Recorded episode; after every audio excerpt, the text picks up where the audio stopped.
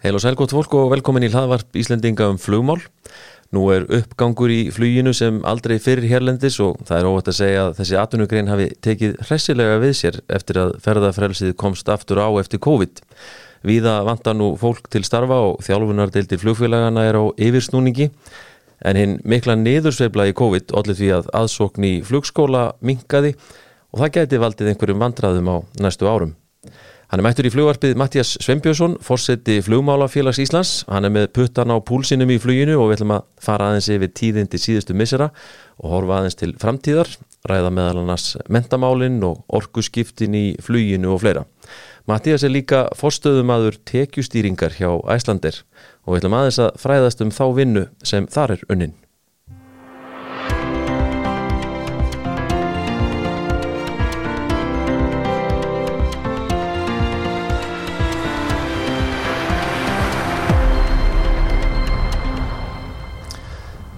Já, Mattías Svimbjörnsson, fórseti flugmálafélags Íslands, mættur í flugvarpið, verður velkomin. Já, takk kjærlega.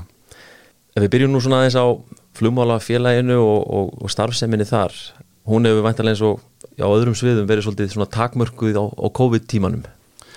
Jú, sko, flugmálafélagið uh, á í raunni og er að, kynna flug uh, með jákvæðum hetti og, og kynna það sem er almennt að gerast í fluggeranum þetta eru reglífarsandug sem eru með flugskóla, flugklúpa og atvinnufélag undir sér og, og við reynum að gera okkar besti því að sína og segja frá því sem er að gerast hjá okkur.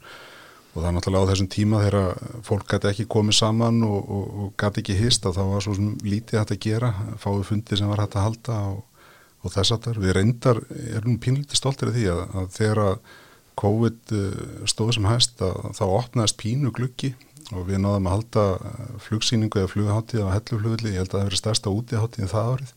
Já, hérna þegar allir Íslendingandi voru á, á faraldsveitum landið hérna. Já, Já. Ég, og hérna þjóðutíð fjall niður og, og það var ekki að halda neitt viðbjörn næstar en við vorum bara, það er akkurat hýttið þannig á að, að, að þá viku sem við erum að helluflugli með, með flugaháttíð að þá akkurat opnaði sluggin og, og hérna það mætti allir þangað með þess að hérna víðir og, og, og lörglan í fullum skrúða þannig að þetta, þetta er mjög skemmtilegt. Já, glæsilegt. En, en það er alveg rétt að, að á þessum tíma þá uh, hefur svona uh, dopna mikið það sem við hefur verið að gera.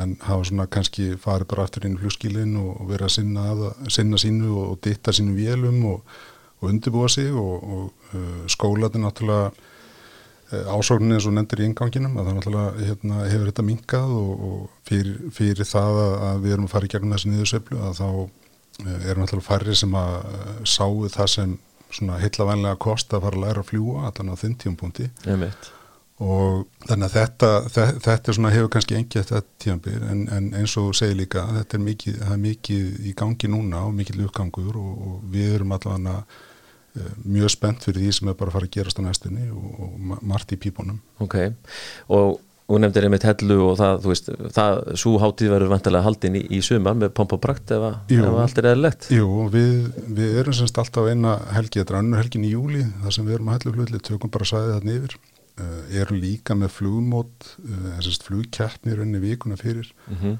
erum að keppa í lendingum og, og, og svona rötun og, og alls konar hlutum, uh, það keppti drónum og listflugi og, og, og svona eitt og annað menn svona að sína hvað ég geta og síðast, síðast eru voru með þetta þá fengum við ellendan aðalega til þess að bæði sína okkur hvernig væri hægt að gera þetta kannski svona besta máta og var að kenna okkur líka bæði að dæma og, og hérna taka þátt okay. um, Já, það, það eru við með svona vikunum fyrir og síðan um helgina sjálfa að þá koma bara allir fluga á það menn og hérna fylgjast með því sem er að gerast og fá að komast í snertingu við flugið sem að gerist bara ekkit allt og oft uh, annars og, og þannig að við, þetta er mjög skemmtilegt, það er mjög margi sem koma og, og til dæmis á, á síðasta móti, ég held að hann örglegur á síðasta móti, þá var nú flugvel sem kom allavega frá Seattle, sjóflugvel sem að hafi verið gerð upp, sem að var notið í, í sko innlandsflugin í ganlega Grumman Goose og það var búið að setja turbinu mótor að þessa vél og og við heldum ég að hann væri eitthvað að grínast með þetta en hann, hann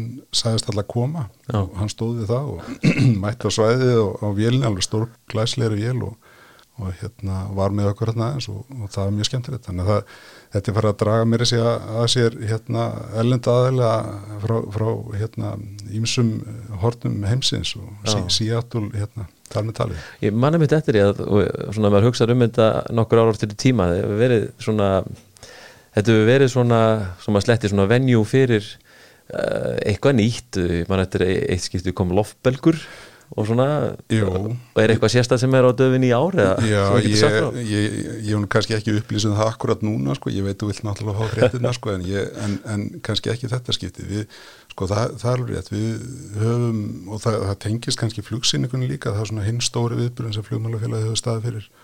Uh, og við vitum það, við höfum gert uh, skoðanakannar og, og, og heyrt í fólki og það, það er bara einfallega þannig að það er mjög margi sem að kynnast fluginu, jáfnvel í fyrsta skipti í gegnum svona flugsýningu og þessi flugsýning á Reykjavík-hlutli sem verður 3. júni held ég að verið alveg örgla á þessu ári að þá, að þá uh, erum við að sína bara svona rjóman að því sem er í gangi uh, atvinnuvélar og, og engavélar og, og menn fá að kynna sína starfsemi flugkjænslan og, og það er mjög margi sem ég veit af sem að hafa bara í fyrsta skipt á efinni séð flugvélar í svona miklu návi Mhm. fá, fengja að snerta og jafnvel setjast inn í þar og þannig kviknar áhugin það er þarna sem að fólk hérna, ákveður jafn, jafnvel bara jafnvel ungum, já bara ungt fólk í rauninni bara ákveður að leggja þetta fyrir sig og verða, verða flugmenn eða tengjast fluginu eitthvað nátt Já, nokkulega.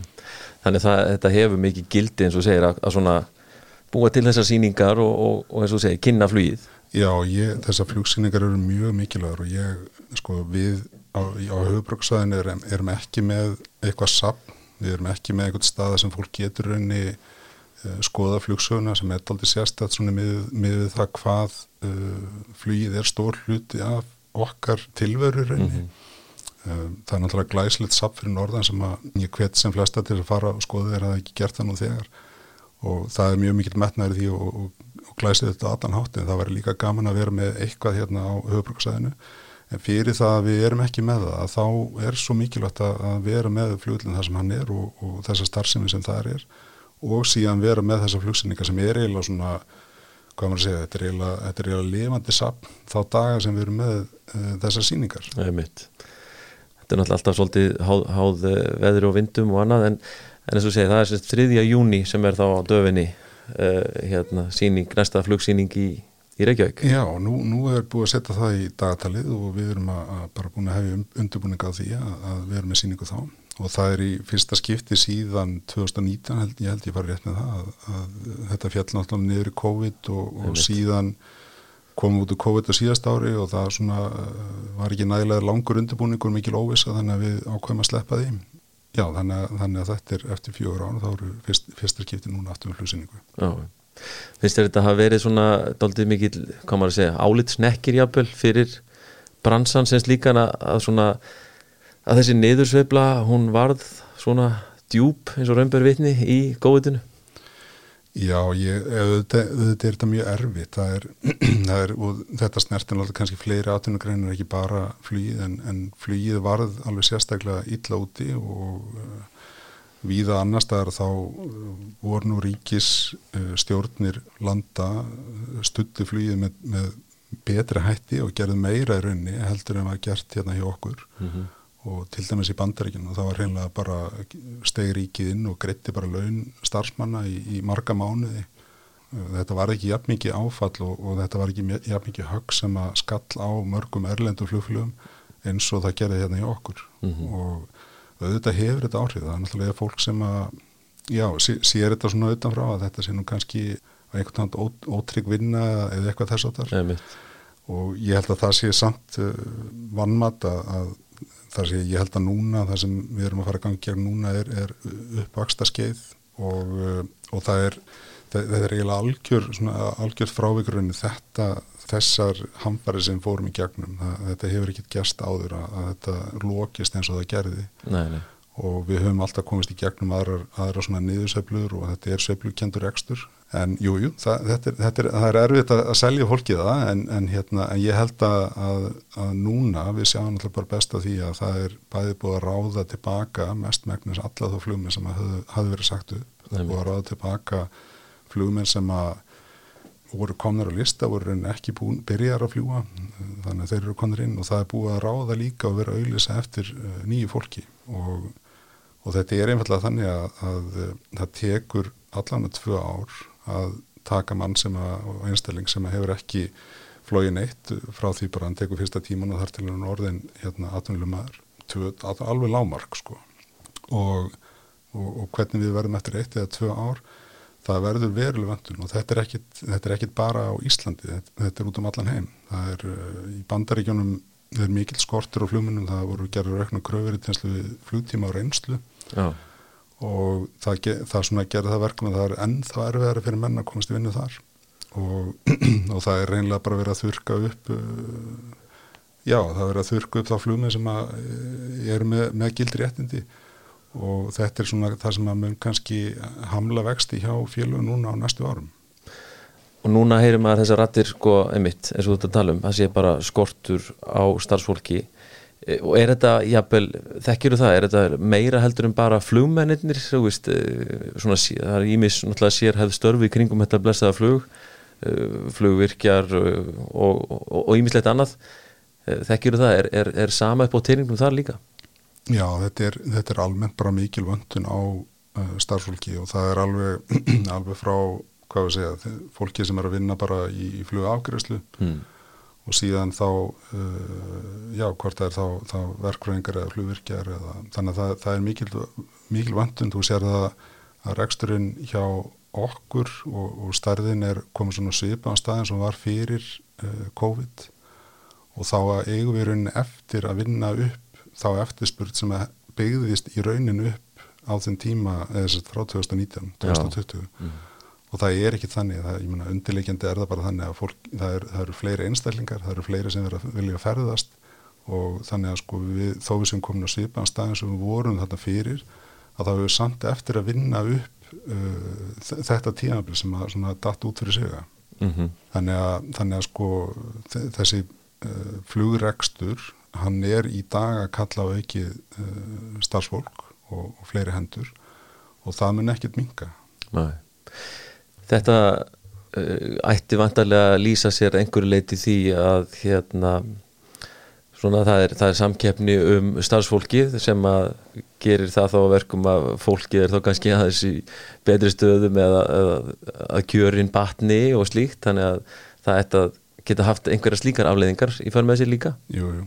Og það er eitthvað sem er að gerast í bandaríkunum í dag. Það er lengi vel að það var þannig að þeir flugmið sem voru að fljúa stuttuleggina innan bandaríkina mm. á það sem er kallað svona regional jets sem eru sambalett kannski við innlandsflugið hérna í okkur í Íslandi að þeir voru á tildurlega lágun launum og, og, og já, bara eiginlega, alveg ótrúlega lágun launum eh, og það er bara gjörbreytt. Það er semst, nú er það þannig að þeir flugminnar fá svipað eins og flugminn og stóru þóttum hjá lágjaldafélagunum í bandaríkunum og nýlega er búið að semja um töluvera uh, eh, launahækkanir fyrir uh, flugmenn hjá Delta og United hefur verið að tengjast í líka þannig að við, við erum að tala um 20% Já.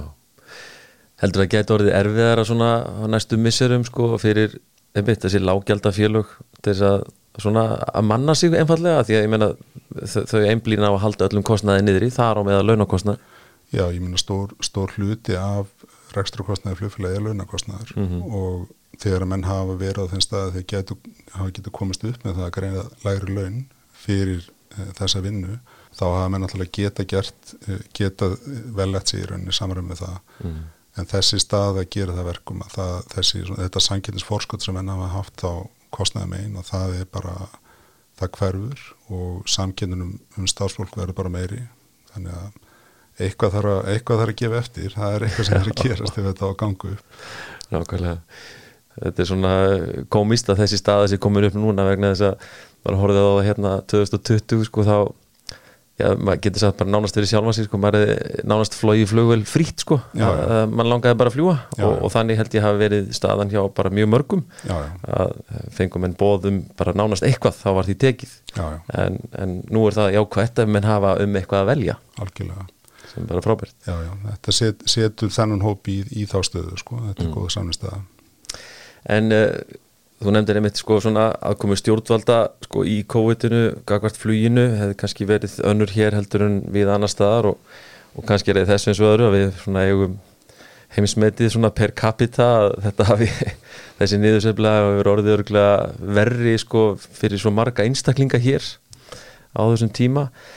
En hérna gætu stjórnvöld svona komið einhvern veginn svona meira að þínu mati að til dæmis núna bara mentun flugfólks, flugmanna, flugvirkja uh, svona með svona myndalegri hætti til þess að svona manna þær stöðu sem að þarf bara næstu árum Já, ég held eiginlega og, og, og fyrir þessa uh, vöndun á starfsfólki mm. þá má eiginlega segja að, að afstafa um, ja, hvað, hvað maður segja svona, af, afstafa nálgun stjórnvalda gagvart flugmentun almennt er, hefur verið mjög sérkjænlega og við getum til dæmis sagt að ef, ef þú ætlar að læra sko, flugvirkjan þá þarf þetta að borga það alveg fullum fettum bara engin króna eða fáar allavega ef einhverjir eru frá ríkinu sem stýð þess að það nám ef þú ferir bifileverkjan aftur á móti mm. það þarf bara að skipta út þarna sko flug fyrir bifila að þá, hérna, þá færi það allt borgað sko það, ja. og það er niður greitt og, og skólakerfi teku það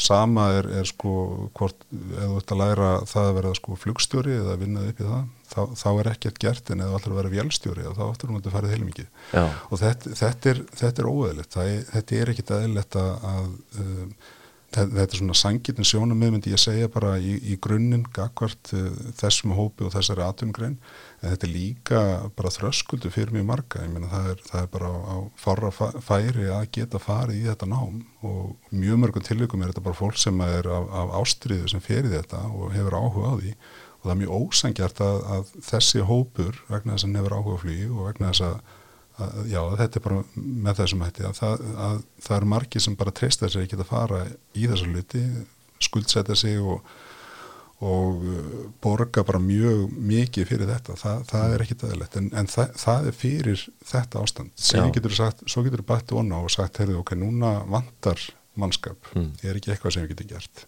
og þó það væri ekki bara tíanböndi áttak sem myndi með einhverjum hætti ítaðu fólki og hjálpa fólki í, í hérna uh, flugtengta uh, flugtengt nám að þá er það eitthvað sem ég held að veri vel réttlandalegt og, hérna, og eiginlega nuslegt.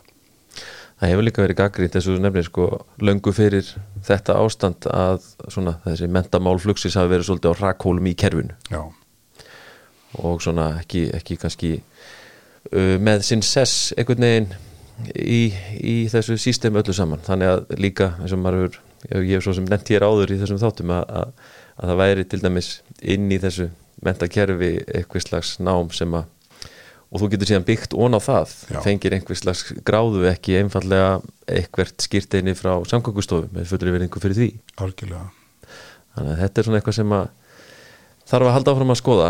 Ehm, þekkjuru dæmi til dæmis frá eh, eins og í Skandinavíu svona hvernig, þú veist, getur við lært eitthvað af þeim, hvernig þeir eru að gera þetta? Um, Ég, það eru dæmi þess að uh, það er semst, fjöldi nefnda sem að fara í, rauninu bara gegnum ríkið, ég held að það sé svíþjóð, svíþjóðaði fyrir ekki með randmál, mm -hmm. að það er á hverju ári, ég held að það sé ykkur 20 nefndur eða eitthvað þessar sem eru þá bara á, á forræði ríkisins og það, og það er ekkit endilega, við erum ekkit endilega að tala um það, veist að, að þetta sé greitt í topp eða, eða að ölluleiti en allavega með einhverjum hætti mm. að þá sé hægt að gera þetta eins og ég segi, þó sé ekki nefnum bara út frá uh, sjónamiðinu að, að, að aðgengja námi sé játt fyrir alla mm -hmm.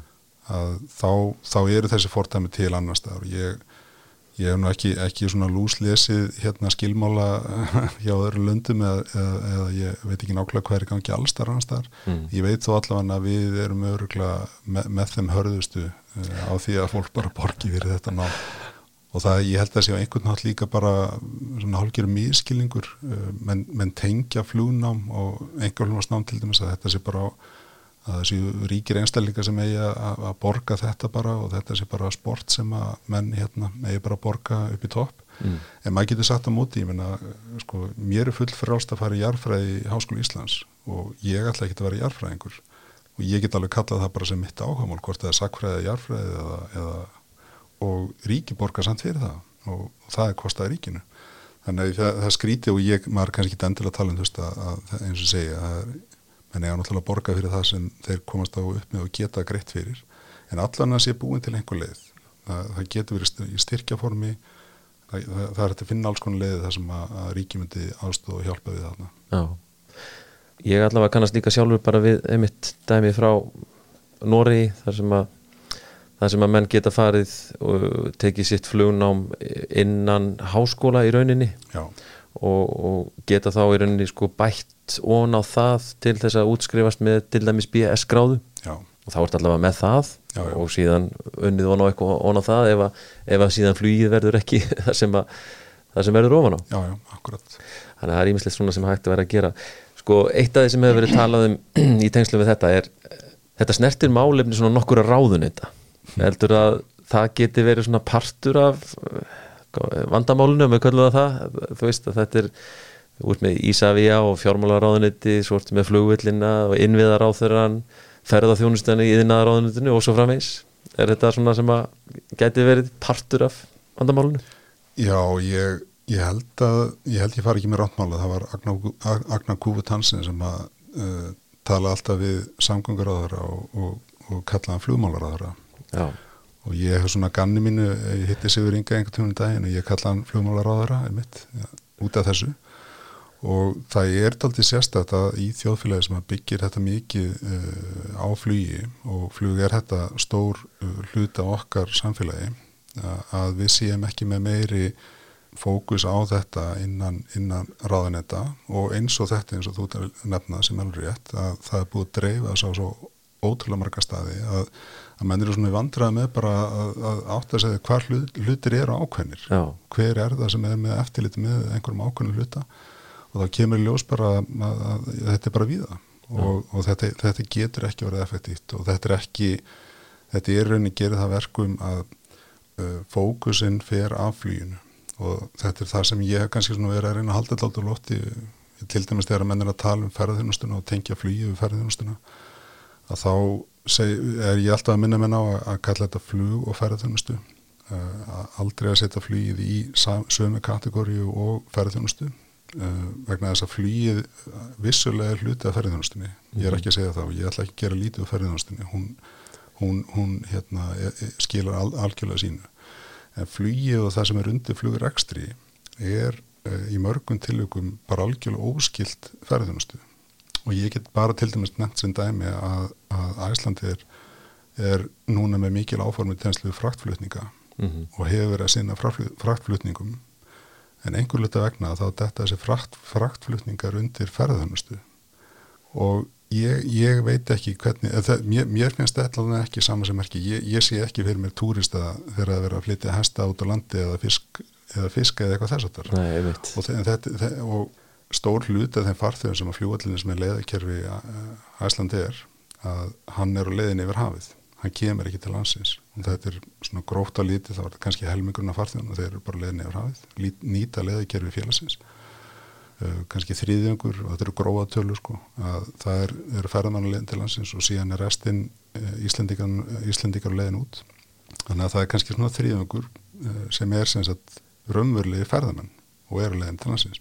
En þarna sko þe- þetta er kannski svona skilgan ekki atriði en allavega þarf fókusin að vera skýrari og hvort að það væri eitt sem fengið þann hatt að vera farmálráðara sem að, sem að væri mjög eftir sókna verðallan eins og ég sé það að þá, þá kannski myndi þetta Það meina þeirra Já, á þeirra, akkurat. Svona maður orðin hérna sam, samtum með þessu. Já, já. Flug, flugmálaráðara Já. það, það er reyni hérna uh, ef það væri eitt sem feng, fengið þannig að þá væri það hérna, fengið kannski meira fókus. Já, Já ég segi það, víst, af hverju ekki? Matvælar á þeirra til sjávarútur á þeirra til. Já, já, flugvarpi beinir því hér með til allra viðkomandi. Næsta ríkistjótt verður með flugmálar á þeirra algjörlega. Það? Jú, algjörlega. Þessu er hér með komað á framfæri. Já, já, nei, nei, en það er það er margt sem að tengist í þessum stóra þessari stóru atvinningarinn og uh, það er líka kannski svo margt sem að uh, fólk uh, kannski áttar sig ekkit á að sko tengist beintengt uh, er beintengt sko flugrekstri sem slíkum. Mm -hmm. getur þú svona tekið einhver dæmi um slíkt sem að bara svona til að varpa aðeins ljósa á það? Já, og það er, það er sko fyrir utan þetta sem að ég nefndi sem að er einmitt sko í, í þessum flugrekstrar fyrirtækjum, það sem verður bara að, að fljúa flugulum og halda þeim á lofti að þá er, uh, það eru hugbúnað fyrirtæki sem hafa orðið til bara beint út úr hérna flugrekstri. Og eitt dæmi til dæmis er, er uh, fyrirtæki sem heitir Calidris sem að tengist er einu svona tekjustýringar kerfi, mjög sérhæft kerfi sem passar upp á það að, að tekjurni séu reynar, uh, ég get orðað þannig. Það er fyrirtæki sem var stopnað uh, og ógs og endan var það keift út úr, eða keift af, af mjög stórum ellendum aðla það eru, já, það eru fleiri hugbúnaði fyrirtæki sem fólk bara hreinlega veit ekkert af að sé þarna. Það er, það er fyrirtæki sem er í hlýðasmárunu sem heitir Turn Systems sem er að, þróa flugfærastjórnar kerfi og það náttúrulega tengist flugræksturinnum þannig að sko hugbúnaði megin er, eru uh, ótrúlega fjöldi miklu með fleiri fyrirtæki heldur en maður gerir sig grein fyrir. Síðan eru verkfræði fyrirtæki, það er, það er fyrirtæki til dæmis sem heitir Aptos sem er bara í kópavóinum í allega vatn sem er bara að, að hanna og gera breytingar á, á vélum, fluguleg verkfræðingar sem vinna þar og, og starfið það og veita bæði eilendum og eilendum aðlum hérna þjónust á því sviði. Um, flugkjensla það eru, það eru já, í gegnum COVID þá var náttúrulega spruttu fram mörg fyrirtæki þar sem flugmenn voru bara að reyna að finna sér eitthvað að gera í raunni og, og stopna skóla og, og, og hérna hafa náða að sinna því. Þannig það er bara svona til þess að nefna eitthvað þú mannst nú öruglega eftir einhver líka sko en, en, en, en þetta er, þetta er ótrúlega viðfemt, þú veist, ef þú tekur allt sem tengist flýjum einhvern hátt að þá, þá dettur það inn í einhverja svona aðrar uh, önnur hólf mm -hmm. sem við tengjum ekki endilega við flugi bent. Akkurat. Þetta er ágætið svona áminning. Uh, þú komst nú hérna svona svo við aðeins skiptum aðeins um gýr. Já. Uh, komst hérna í flugverfið fyrir svolítið síðan og uh, vorum að tala um ramagsflugular, mm -hmm. ekki hvað síst og þar saður þau þá að væri nú stutt í það að kemi fyrsta ramagsflugulin til landsins og það gekk bara eftir í fyrra? Já, til ham ekki með það? Það er bara að gera þetta sjálfur sko. Já, já, vel gert.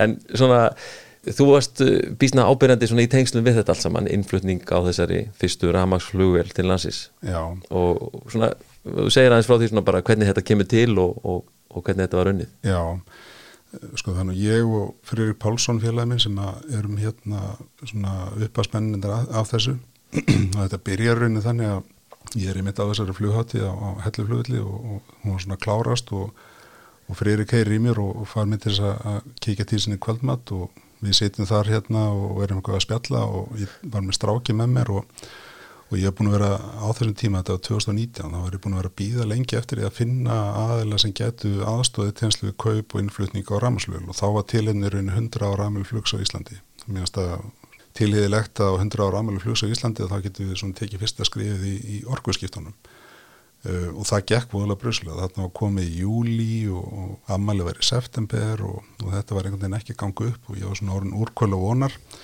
Og sitaðum við borðið og Friðrik að lýsaði hvernig hérna hann hafi verið að kaupa testlu fyrir löngu síðan og búin að keira þeim og og ég alltaf náttúrulega með því að maðurinn hérna, sem að væri líklega til þess aðstofna við þetta myndi jafnvel geta fjármagna þetta. Hann sæti bara við borðið með mér.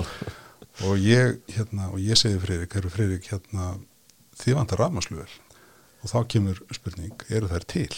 Já. og ég segi, já heldur betur. Það er vél sem ég er búin að vera að reyna að vinna, vinna í að fá til landsins hérna þó nokkuð tíma og, og þá er næsta spurning, hvað kostar hún? Og ég sagði hann það. Og þá rétt hann hendinniði borðið og sagði, við kaupum hana. Okay. Þar með það agrið þar, þar með það agrið sko Já. og við, og við vorum þá að vinna í því rauninni bara að fá fleiri aðlegin í þetta verkefni og, og það svo tók, tók smá tíma það voru svona smá, smá hjallar á leðinu sem að allir því að við, þetta frestaðist og við náðum ekki þarna fyrir amalið og, og, og svo hérna kemur alltaf þetta COVID ástand og fleira en við tökum þráðin aftur upp og fá, fáum semst mjög öflug aðalega með okkur í þetta og, og hugsunin er henni að fyrsta skrif í orkurskiptunum te, sé tekið samiðilega af uh, aðalinn sem er í flugræstri uh, þeir sem að mun nota fyrstur ámasjölunar og síðan af einstaklingum.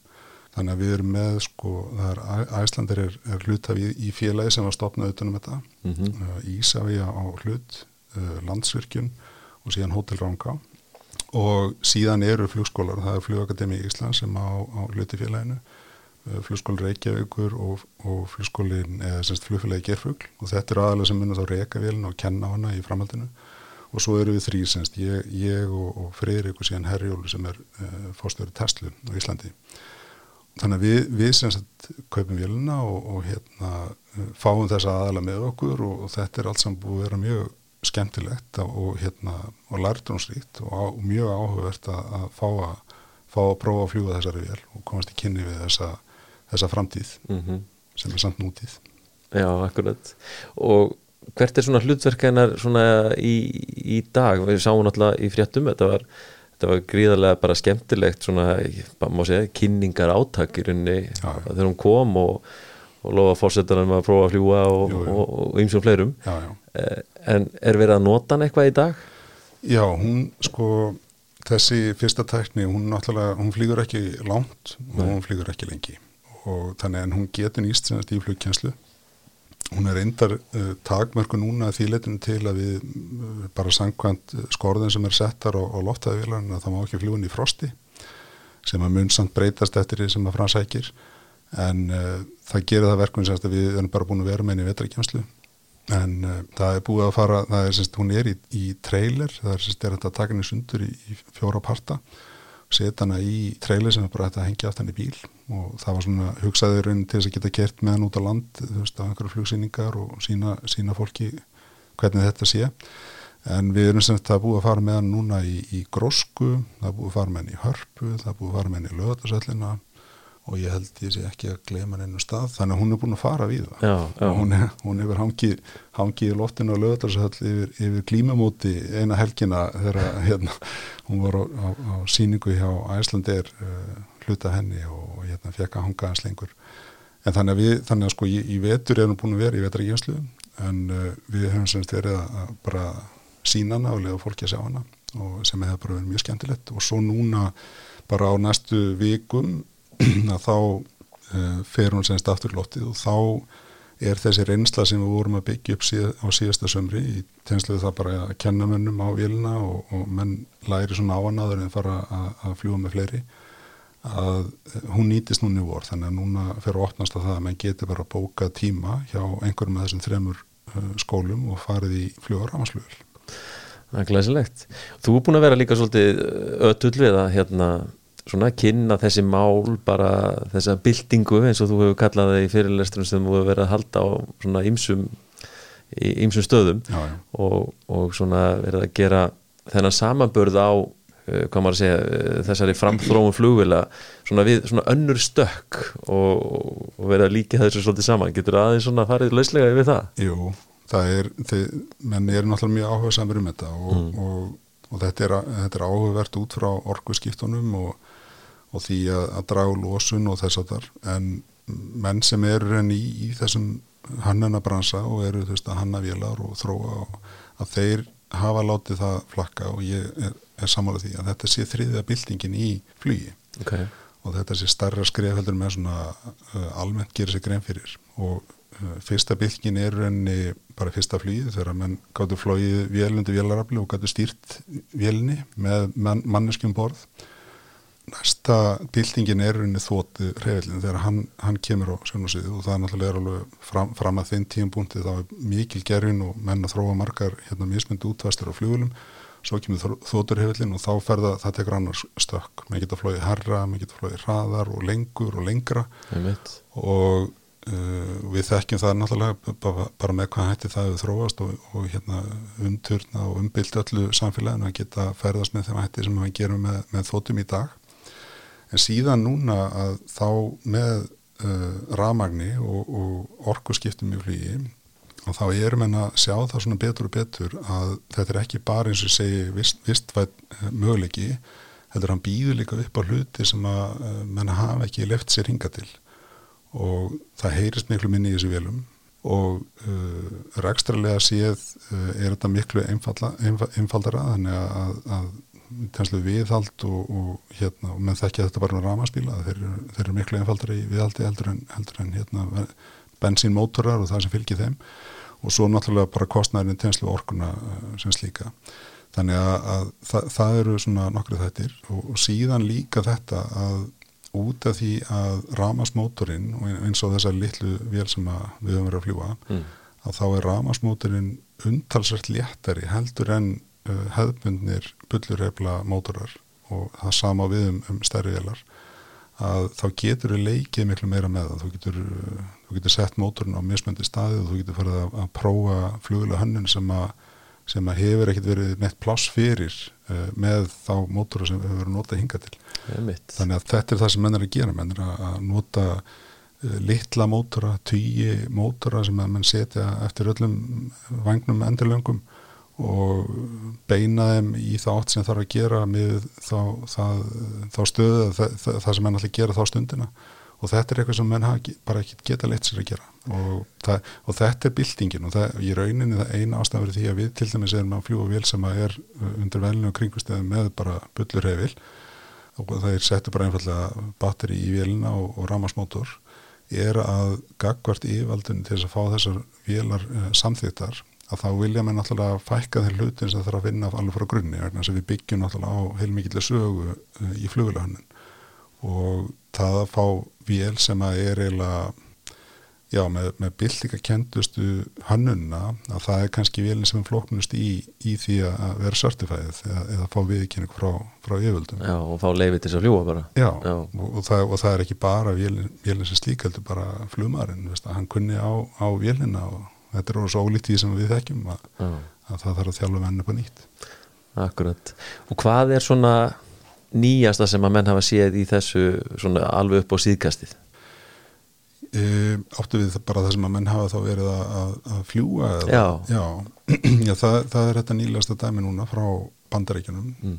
það, það sem að félag sem heitir Universal Hydrogen uh, var að fljúa vél með vettnismótor og það er vél sem er bara uh, sambalið vélum sem við erum að fljúa í innlandsfluginu uh, og það var bara skipt út turbinumótor sem er gengur fyrir þóttu elsniti fyrir reyfil sem er gengur fyrir vettni og það gekk bara mjög vel. Það endaði með því að þeim list svo vel á blikuna þeir ákveða að drepa á turbinumótornum og, og láta hann að bara ganga á vettninsreiflinum okay. þannig, að, þannig að það og það, það er það sem mun gerast núna næstunni. Og það eru þessi hvað maður að segja, ég manta kannski íslenska orðið en það er svona retrofit á þeim vélum sem eru til í dag. Það sem að hefðbundum mótorum er skipt út og sett bara hérna annarkvort vettni eða ramagn mm -hmm það er það sem er bara svona í farvatinu og það eru mjög margir aðalega sem eru að, að prófa þessu þá hluti. Og ástæðan fyrir því að það er skynsalegt að reyna það er, er mitt út af þessu læri vélskostnaði, læri elstendiskostnaði og síðan náttúrulega þetta er umhverjusend Þetta lítur að vera þá mjög áhugaverðu kostur kannski innan ekki svo margra ára hér innanlandsemitt í stuttum flugleiðum ef þetta er búið að prófa þetta á flugvel af sömu gerð. Já það er stýttir í þetta heldur en margir halda, það er reyndir, ég er alltaf fleiri og fleiri sem eru farin að trúa sko. Þeir er fjölgandi þeir eru að fara að sjá þetta með berum augum sjálfur og, en ég, en Æslandi til dæmis er bara að fylgjast mjög nái með þessu og, og er að taka mjög virkan þátt með þessum aðlum og, og er að vinna til dæmis með Universal Hydrogen mjög nái með, með þeim og, og eru líka að vinna með öðrum aðla sem er bara með hérna reyna ramasmótur eða semst ramasmótur og svo það er, reyndar, er svona, svona tvinnvél eða hybridvél sem ja. gengur bæði á, á ramagni og, og, og síðan eru með svona turbinu mótur sem að búa það til ramagn ef, ef áþarf að halda Akkurat Þannig að Já, þetta er, maður þurfa að hafa sér alla við að fylgjast með þessu áfram. Ha. Já, eða þetta gengur líka allt eftir og, og þess að vila sem er að taka lott og lenda svona loðrétt og vera svona, svona air-taxi þá síða skortur á fljómanu fyrir og þá er þetta ekki til þess að bæta ástandi Akkurat. En hérna við erum búin að tala um svona ímislegt sem hefur verið að gerast í fluginu á síðustu missurum og þetta er að einkennast núna þetta ástand af miklum vexti og eins og ég nefndi hérna í yngangi, þú ert maður nokkur að hatta og einn af þeim er að þú gegnir stöðu fórstuðum að tekjustýringar hjá Æslandir Já. Mér langar svona að heyra aðeins frá þér aðeins um þessa deilt uh, tekjustýringu og því allavega svona miða við það sem að sá af hérna ásfundi félagsins nýverið og þá veriðist þessi deilt verið að gera eitthvað rétt. Já, við, við erum sem sagt tæmlega 30 manna hópur sérfræðinga uh, og þetta eru, þetta eru fólk með mikla reynslu og, og mentun uh, sem að sinnir, sinnir þessu verkefni sem að hafa marga tekið félagsins. Og það, það gekk mjög vel, það verður alveg segjast eins og er á síðast ári og, og hérna það komið fram í, í kynningunni hjá, hjá þegar var að kynna reksturinnastöðuna að frá 2019 þá náðu við að bæta einingatekjunar um ykkur 25% frá 2019 og þannig að það, það er hérna maður er aldrei stoltir að því þó ég segi það bara svona beint út að þá hérna þá gekk þetta vel. Og þetta er uh, við erum náttúrulega teflað 30 manna hópur sem að er vakinu svo við nefið því að, að þetta gangi allt saman vel og fylgjast með því sem er rafnætti gangi hjá félaginu. Við vinnum náttúrulega mjög ná með öðrum deildum innan fyrirtækisins uh, sem eru náttúrulega í sölu og markasetningu og, og því að skilgarna vöruna og, og síðan þá bara með leiðakeri sér allt og við gerum þetta ekkert einn, það er al, alveg þannig en, en, en margt af því sem við höfum verið að, ná fram núna og síðustlunum missurum er, er jákvægt og hefur hjálpað mikið.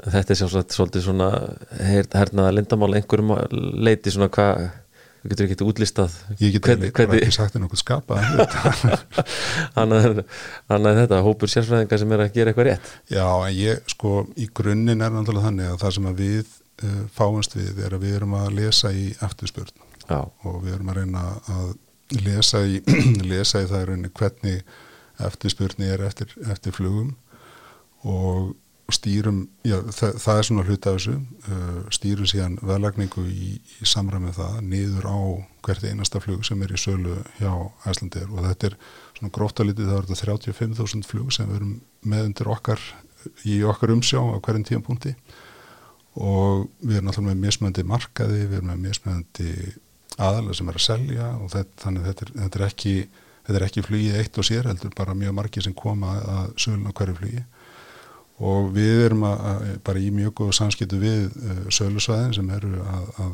láta okkur fá upplýsingar í tíu í þess að það hvað, hvað er að gerast almennt á markanum og, og hérna og við erum sam, sam, samtali við söluna um, um það hvort að það er að fara út með tilbúið eða hvað, hvað við viljum gera mm -hmm. eða er eitthvað sem þarf að hjálpa bókunastöðinni og, og hérna Já, þannig að við, við svona tengjumst, tengjumst mjög mörgum uh, aðalum minna fyrirtækisins og reynum að lesa í stöðuna og reynum að spila leikin rétt. Þetta er, þetta er líka mikil og það sem gerir þetta skemmtilegt er að þetta er, þetta er svona leikjafræðið aldrei í þessu Já. og við erum, við erum að spila mjög mörgum, mörgum mismunandi og, og það skiptir máli hvernig við spilum leikin, hvort að við hvort við stígum inn það sem við viljum gera eða, eða hvort við bara leiðum öðrum að að eiga það sko. Að, að þetta er það sem er bara í gangi á hverju mennasta degi hjá okkur. En ég get ekki farið í dítala. Nei, nei. En, en hérna tímafaktorin hlýtur að vera svolítið hérna uh, mál í þessu. Bara getum að sé svona sem leikmaður þú veist, þú ætlar að fljúa til Kaupmannarafnar eftir þrjá mánuð þú vilt ekki henda öllum sætonum út á tilbóðsverði í dag og svo vantar einhverja þegar nær dregur sem veru kannski tilbúinur að borga herra verð og svo framvegis. Akkurat sko. Það, og þetta, þetta er það sem er kunstin við þetta, það er rauninni að við erum núna að velta fyrir okkur hvernig eftirspörni sé fyrir páskan á næsta ári. Og við erum að reyna átt okkur að því hvernig hún mun mögulega líti út. Og það sem að skiptir bara miklu máli er einmitt eh, hvort að við séum búin að selja mikið frá okkur á mjög snemma eða hvort við, við pössum upp á að, að hérna, halda eftir einhverju sætum. Og það, og það er þessi frambóða eftirspurnirunni sem stýri þýrunni bara hvernig við uh, gerum þetta. Og, hérna, og, það, og það er þetta sem að er uh, skiptið miklu máli. Og það, það var einmitt eins og hérna, það sem gerir mann kannski svona einstaklega stoltan niðurstöðinni er að, að þeir vorum að fara gegnum þetta COVID-tímanbill og þegar við erum einhvern tímanu síðasta eða semst veturinn þarna þegar COVID er alveg á, á fullu og þá, þá eru við að spá fyrir um eftirspurn uh, á síðasta sömri ja. og við erum að reyna að lesa í stöðuna hvort að, hvort að við eigum að fara út eða, eða, eða hva, hvað við eigum að gera. Og, og það þurfti alveg, alveg kjark að horfa á tölunar ekki hjálpa sér þegar við vorum að fara í gegnum þetta tíðanbíl og hafa trú á framtíðinni og passa mitt upp á það að, að, að við erum ekki of desperate. Og, hérna, og það er bara það sem, sem gerir það verkum að við náðum, náðum góðum árangri. En það er þarna sem að við notum náttúrulega kerfi mjög mikið til þess að aðstofa okkur.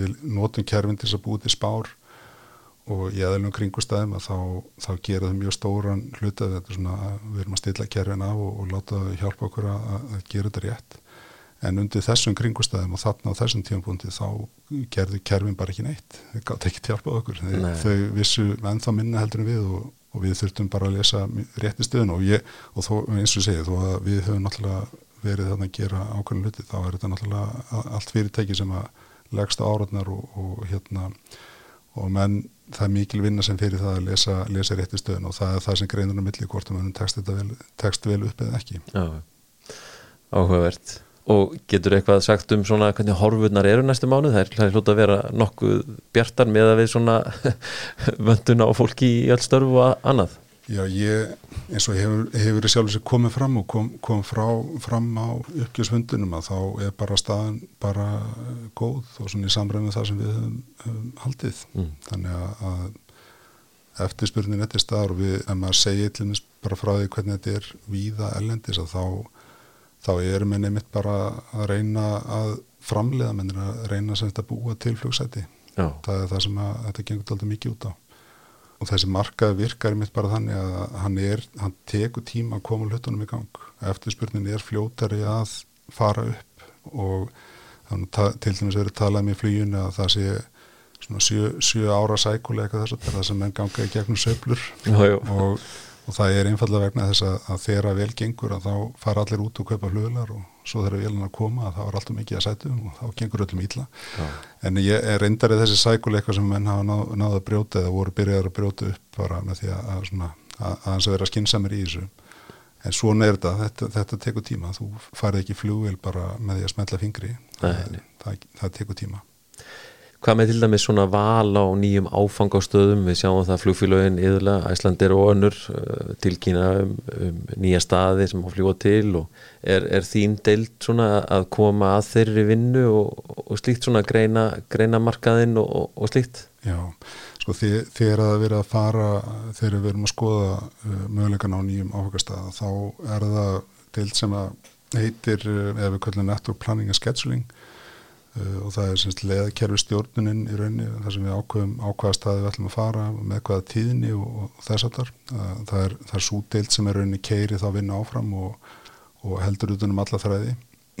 En við uh, komum mjög stert inn í það uh, ferli að gefa álita það hvað, hvað verður almennt að markaðnum hvað hérna, við teljum að við að þetta gera fyrir þennan þá við komum til áfokastað og þetta er, er ekkit einfalt mál, það er mjög margir Uh, þætti sem kom inn í eru verið að ákveða uh, nýja staði. Það, það er einfallega bara til og meins hvort það sé plásuðu komið til flugvelli mm. uh, hvort að það sé einhver stuðningur eða, eða þannig að já, það, það, það er mjög margt sem kemur inn og við, við náttúrulega tökum þátt í því eins og, eins og aðri en, en, en kannski sterkar heldur mjög margar aðra deildir. Já, það er mikil samkeppni í þessu eins og yfir hafið er það að keppa um þessa farþega eins og nefnir og mér finnst það áhugavert að velta fyrir sér sko, menn að við séum þess að þróun á síðustu árum með þessum narróbóti vélum að nú mm. bara ná þær lengra mm -hmm.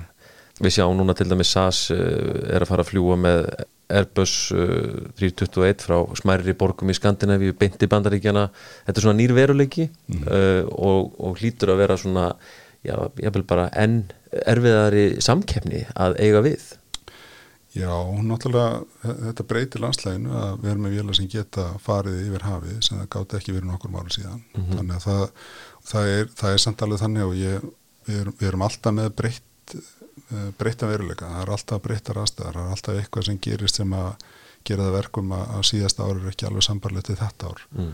og okkur hefur tekist að, að takast á við svona samkettni í gegnum tíðina og við höfum hérna, fundið leiðir til þess að hérna að standa okkur vel og ég hef full að trúa því að, að þó, þó að þetta detti inn og þó að þessi, þessum stöðum sé þjóna með þessum hætti að þá eru aðarleiði fyrir okkur til þess að, að vaksa og þróa okkar leðakerfi og það er tölur þróun sem hefur átt sér staði í leðakerfinu og það er svona fer kannski aðeins undir ratarinn menn áttast ekki alveg á því hvað, hvað hefur verið að gerast. En, en það er ímislegt sem er gangi hérna hjá okkur og, og allt mjög spennandi og, og Já, ég, ég er svona ég er svona almennt er ég mjög, mjög bjassið fyrir hönd hérna félagsins og, já, já. og hef miklu að trúa ræksturinnum og þannig að ég get ekkert leint í þú veist að ég held að það séu mikil, mikil tækifæri sem við hérna getum uh, nýtt okkur okay. þrátt fyrir þrátt fyrir svona sangiðisaðala Já, og þennan breytta veruleika bara með drægi flugvela og, og slikt Já, Já. þú sér til dæmis að við erum að fljúa við erum að fljúa 37 langt umfram það sem að menn höfðu reikna með þegar það er vel úr keftar Vissulega. og það er engin, það er engin sem flýgur frá London til Seattle á, á 37 Nei, þú, þú, þú getur það ekki nefnum bara frá Íslandi nei, nei. og það alveg býr til svona taldi sérstöðu fyrir okkur að það að taka þennan þryggja tíma, þryggja fjara tíma legg áleiðis, áleiðin yfir hafið að það býr til í rauninni til tækifæri fyrir okkur. Og það er til dæmis eins og þetta að fljúa sko 37 báða leggina stutta Európa-leggin og síðan lengri Norra Ameríkuleggin að þá eru við að, að uh, keira það á læri sko sætiskostnaði heldur en að þú eru jafnvel að fljúa bara beint yfir hafið. Já, já. þannig að, að hérna þú veist, þegar, þegar það kemur nýsanginni og, og, hérna, og, og einhver dettur inn að þá bara opnast eitthvað annað Akkurat, menn hérna finna einhverjar nýjar leiðir.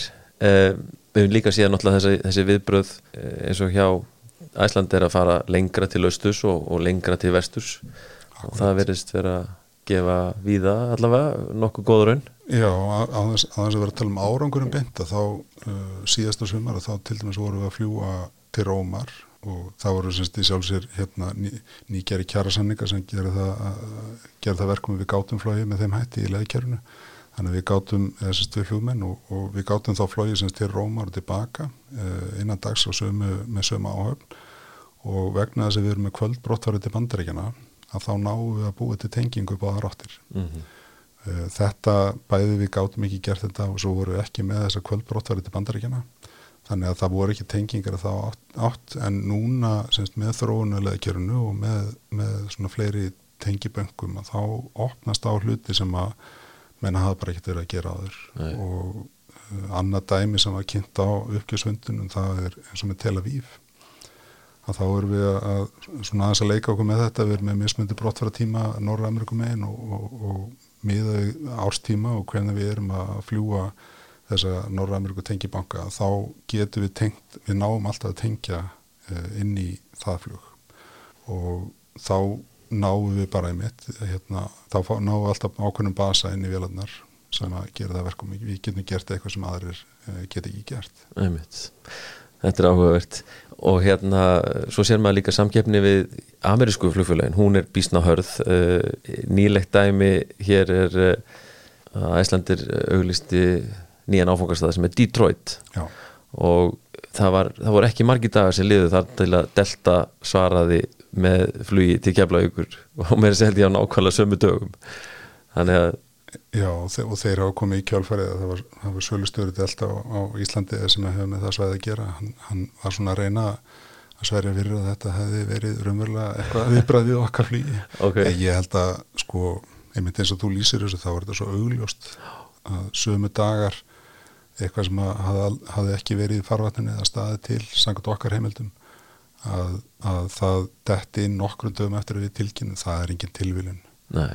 og það er með líka svona sínir það þú veist að við, við erum með þarna allir með þessu delta. Þetta er, þetta er gríðalega sterkur aðli þetta er, þetta er eitt af stærstu félögum í heimi stærsta tekilega ef ég, ef ég, ef ég hérna mann rétt. Og þeir eru bara í byllandi samkjöndin við okkur. Og þeir hafa verið að koma inn frá bandaríkunum til þess að kjappa og, og hérna og fyrsta í raunni sko, skipti sem við fundum fyrir þeim það var þegar við fórum að fljúa tvísveitsnum að dag til Parísar og New York. Bættum við tengjuflýgi sem sagt eða bættum við banka þannig vorum að fljúa tvísveitsnum að dag á þessa staði. Og þar með vorum við bara aðeins að fara inn á þeirra svæði. Oh. og þeir, þeir svöruðu með þeim hætti að setja bara einn daglegt flug á mót okkur frá New York sem hafa aldrei verið sett upp áður og við vorum svona hálf hissað í rauninni að þarna veri þessi aðli farin að gera þetta og, og endan þá reyndar svona grísviðar aðeins áallunna en þetta var auðvitað við bara við þessu En er þetta ekki bara rós til að svona, jú, jú, ég, segir, þetta er svona félagið er svona tóltið gilt á þessu markaði? Jú, ég minna, ég, það, það, það, er, te, það er alveg tekið eftir þessu og, Mm. og hérna við vitum það alveg það að Æsland er, er nefnt og er, er, er rætt að, hjá þessum stóru félagum og það eru þessi stóru alliance sem eru daldi hérna með stóran hluta af heldar uh, sætafannabóða hafinu að þeir, þeir taka alveg eftir þessu Já. Eitt sem hefur verið aðeins í umræðinu núna upp á síðkastið það er þessi hérna, kólefni skattur evrópski hef ég skiljið þetta á, á lengri flug innan Evrópu Já. Þetta er talað um að þetta geti haft gríðarlega þýðingu fyrir íslensk flugfélög hvernig, hvernig horfur þetta við þér? Já, það, það er þannig semst að ef að þetta uh, fellur á fullum þunga á okkur þá uh, breytir þetta aldrei uh, sankendisöngurinu og gera það verkum í rauninni að félag sem að fljúa beintiðar hafið mm. að þau geta komist undan því að greiða þessa skatta meðan við þurfum að greiða þá og ég er enda mjög ánað með að sjá í rauninu með hvaða hætti stjórnvöld hafa, hafa stíðaninn með mjög ákveðnum hætti og, og hérna virðast alltaf að standa verðum þetta, þannig að þetta skiptir alltaf miklu máli, ekki bara fyrir þessi félög heldur líka bara, bara fyrir samfélagi hilsinni að mm. geta verið með þetta upplöga fljúsangöku sem við höfum haldið eða verið með í gernum ára tíuna að hérna, þannig ég bara vona að, að þetta menn bakjöldur þessi eða finna einhverju leiði fram hjá þessu Já, þetta getur haft mikil áhrif annars eins og þú segir. Já, já, og það er hérna, þetta skekkir allan að sanginninstöðuna það er alveg hreinu. Og það er einfallega þannig að ef við getum ekki ef við erum með kostnæðagurinn sem er bara ekki samræð með það sem er hjá öðrum þá, þá mun það alltaf vandra þannig að væri raunni verið að fara sko refsamönnum fyrir að lenda Já. á Íslandi sem telst til Európu Já, og, og me, meiri sér að þannig að þetta, þetta er rauninni sko fyrir flug sem að fer yfir hafið mm. í bara beinuflýgi það eru jafnvel dæmi þessi rauninni að þú setja að brenna meira per sæti uh, í þessu beinaflýgi á þeim vélum sem eru fljúandi í dag versus það að fljúa okkar vélum yfir hafið og eins og þetta að fljúa þessum sparnetnu og umhverfisvennu 37 þá hérna, getur við flóðið Evrópuleikin og Norra Amerikuleikin á meðan uh, sannkynningsaðalinnar þeir eru að fljúa sko 777 eða, eða einhverjum vélum sem eru bara að brenna mjög miklu per seti þannig að, að er, þetta er ekki einu sinni sko það að þú myndir beina fólki í þessa, í þessa bröð þá er ekki einu sinni að gera því þá uh, umhverfisins. Nei, sem er samt það sem er verið að láta svona í veðri vaka að máli snúist um. Já, og upphafið að þessu og þessi skatta sem hafa verið í Evrópu hafa náttúrulega fyrst og fremst eru hugsaði til þess að koma fólki í lestar Einmitt. og til dæmis eins og er fransa að, að, og stjórnvöld þar hafi verið mikið áfram með það að, að koma fólki bara í, í lestar og úr flýin og þar hafa menn náttúrulega verið að fljúa mjög stutt af flugleiki, klukkutími og jafnvel inni af það og kannski er réttlætilegt að segja að það er að setja eitthvað á, á þessa samgöngum áta til þess að koma fólki þá í umhverfisvætni samgöngum áta en sko síðastir í vissi þá voru ekki marga lestar í Íslandi og, og við náum ekki að tengja það við meilandið þó, þó þar væri hérna. Þannig að, þannig að þetta, þetta einhvern veginn bara passar ekki við okkar Nei. veruleika. Nei. Vona það besta í þessu. Eh, Svona áður við ljúkum þessu hvað er svona döfinni hjá þér á næstunni? Á að fara allar að fljúa mikið í sumar? Já, maður, það verður náttúrulega maður verður að viðra ramasjöluna það er alltaf það svo, svo er maður nú hérna ég með aðgang, er það, er það sem er daldur svona sérstað kannski við íslenska græsótar, íslensk græsótaflugur að það samastendur af uh, eigandahópum að það eru mjög margir aðeila sem eiga kannski eina flugil og deilja hagkerfið að fundi upp í fluginu eða, eða græsótinu í Íslandi löngu áður en að hérna með fór að tala um það að deila bílum. Emitt, emitt og, og þetta meiri segja þannig að, að sko þegar útlendingar hafa komið á heimsátt okkur og þá eru þeir bara forviðað, það finnst alveg ótrúlegt hvað, með hvað hætti við erum að gera þetta. Og fyrir vikið út í þetta eru, þetta eru margir um hverja vél og þá er ég með aðgangut aldrei mörgum flugulum en ég hafa mjög lítið hlut í hverju vél. Það er skilvið hérna, þannig að maður, maður er ekki á flæðisker stattur í tenslu það getur komist í lottið og hérna, já já, ramasvölin er, er eitt og, og síðan er ímislegt annað sem að maður svona hefur fyrir stafni, Me, meiri segja hluti sem að ég, ég, hérna, ég er ekki alveg búið að segja frá en þá en kemur ljós hérna. Já, það verður næsta þetta Næsta þetta En hérna, en þú ert sko við erum búin að ræða þessi svona sérhæðu störðin hjá Æslandin núna í tekjustýringunni en, en þú ert í leifi sem flugmaður hjá félaginu, ekki satt? Jú, ég, það var raunin þannig að ég hérna Ég var semst í tekjustýringunni frá 2010 til 2017 og svo fór ég semst að fljúa hjá félaginu 2017 og var þar í þrjú ár. Og síðan kem ég aftur uh, semst í tekjastýringuna fyrir hvað að vera tveim, þreymur og síðan mm. og já, tvö og halvt ár og hérna, en ég, en ég flög þarna í þessi þrjú ár, það var bara mjög, mjög skemmtilegt. Sérðu fyrir að takir, takir það sæti eitthvað tíman aftur? Já, það, það hérna, þetta er svo góður atvinnreikandi að hérna, hann, hérna, það er, það er aldrei vitan að við náum að koma því einhvern veginn við Já. og hérna, það er mjög skemmtilegt að, að hafa þá tengingu. Auðvitað. Og bakterían, flugbakterían hefur skotið sér niður hjá fleiri fjölskyldumæðlum eða hvað? Jú, jú. jú, jú.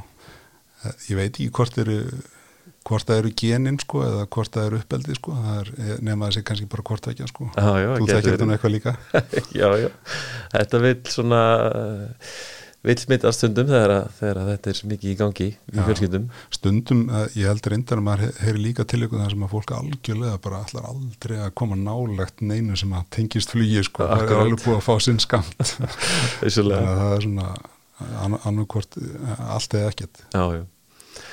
en hérna já, þessi sonuðin sem er, hann er byrjaðar að fljúa fullið eða ekki? Jú, hann, hérna, hann var í hann fór í söflug Já. Sem ég mæli með fyrir alla sem að hérna, ætla í flug og hafa aldur til og hann, þú getur byrjað mjög snemma að læra söflug, hann var 14 ára þegar hann fór í fyrsta flug og við fóreldrinu stóðum á flugullunum og horfðum eftir hann að fara fljúandi og hérna ég, ég var svo sem hérna hafði fulla trú á hann og var búin að fylgjast með hann við náminu og, og ég held að mamma sagði, hafi gert það líka en þetta er samt erfitt skref sko. já, já. En hann, hann stóð sér alveg frábælega og, hérna, og var duglegur að- læra þarna og, og síðan núna þá, þá er hann búin að vera þarna upp á sannskiði hjá, hjá Suflafélagi Íslands að, að læra og, og svona komast í, í náinn kynni við flugið. Og síðan núna er hann þá komin í, í semst engaflugið og var með þetta klárun og bóklega hérna engalhömmas pakkan og hefur svona verið að læra og það sýnir sig alveg að það, það hafi verið í sufflíinu að það, það skilur sér. Já. og það er svona það þarf ekki að hann að fljúa, hann er búin að læra það. Nei, það er allt hitt sem að þú veist nú hvernig það virkar að það- þetta er ekki svo einfalt að halda um stýrin bara. Nei, nei. En þetta, þetta er svolítið það sem að svona, þetta byggist alltaf á.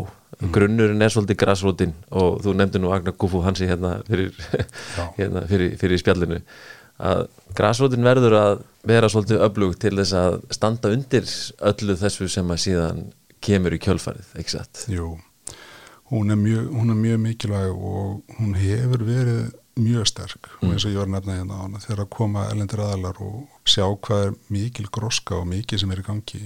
Og þetta er, þetta er engaflugið og, og svo náttúrulega mikil uppgangur í físinu og, og hérna heimasmíði og, og það, það er eitthvað í þjóðasálinu sem að höfða mjög sterti manna og þannig að menn, menn eru mik, mik, mikið svona flug, flugtengdir og þetta er bara mikilvægt að, að við séum að, að sinna þessu og við séum að hlúa að þessari grassút og við getum leiftin að dafna og leifum fólki að, að komast í kynjurflug, við leifum sem flestum að komast í flug og þetta, þetta talaði þjóðasálni en það er líka bara til þess að búa til þennan grunn sem við vorum að ræða hérna upp af við að, að, að við þurfum þennan efni við og við þurfum þennan, þennan mannskap til þess að geta haldið áfram og þess vegna þarf grásutunum að vera sterk og, og það er að passa upp á hana Nákvæmlega.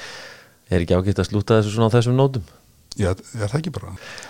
Mattías, takk hérlega fyrir að koma í flugvarpi og spjalla við mig. Já, takk hérlega og ég, hérna, ég sagði það nú síðast en ég ætla að segja það aftur, þetta er frábært framtak og virkilega gaman að, að hérna, fá að koma þín og ég veit ansi mörgum sem að hérna, leggja við hlustir og, og fylgjast með því sem er að gerast hérna og, og það er gaman líka að sjá hvernig þú hérna, sýnir einmitt breyttina í flýðinu, býður mismöðundi fólki til þín alveg, alveg hérna frá hörðustu flugmönnum og, og, og yfir í, yfir í hérna einhverja flugnörda þannig að, þannig að sko það, og það er mikilvægt, þetta, þetta hjálpar og, og bara alveg frábært, bara til að mikið með það. Takk hérlega fyrir það. Og hérna vonum að þetta ár verði gott fyrir flugið en það vorið á næsta leiti með betri tíð og blóm í haga.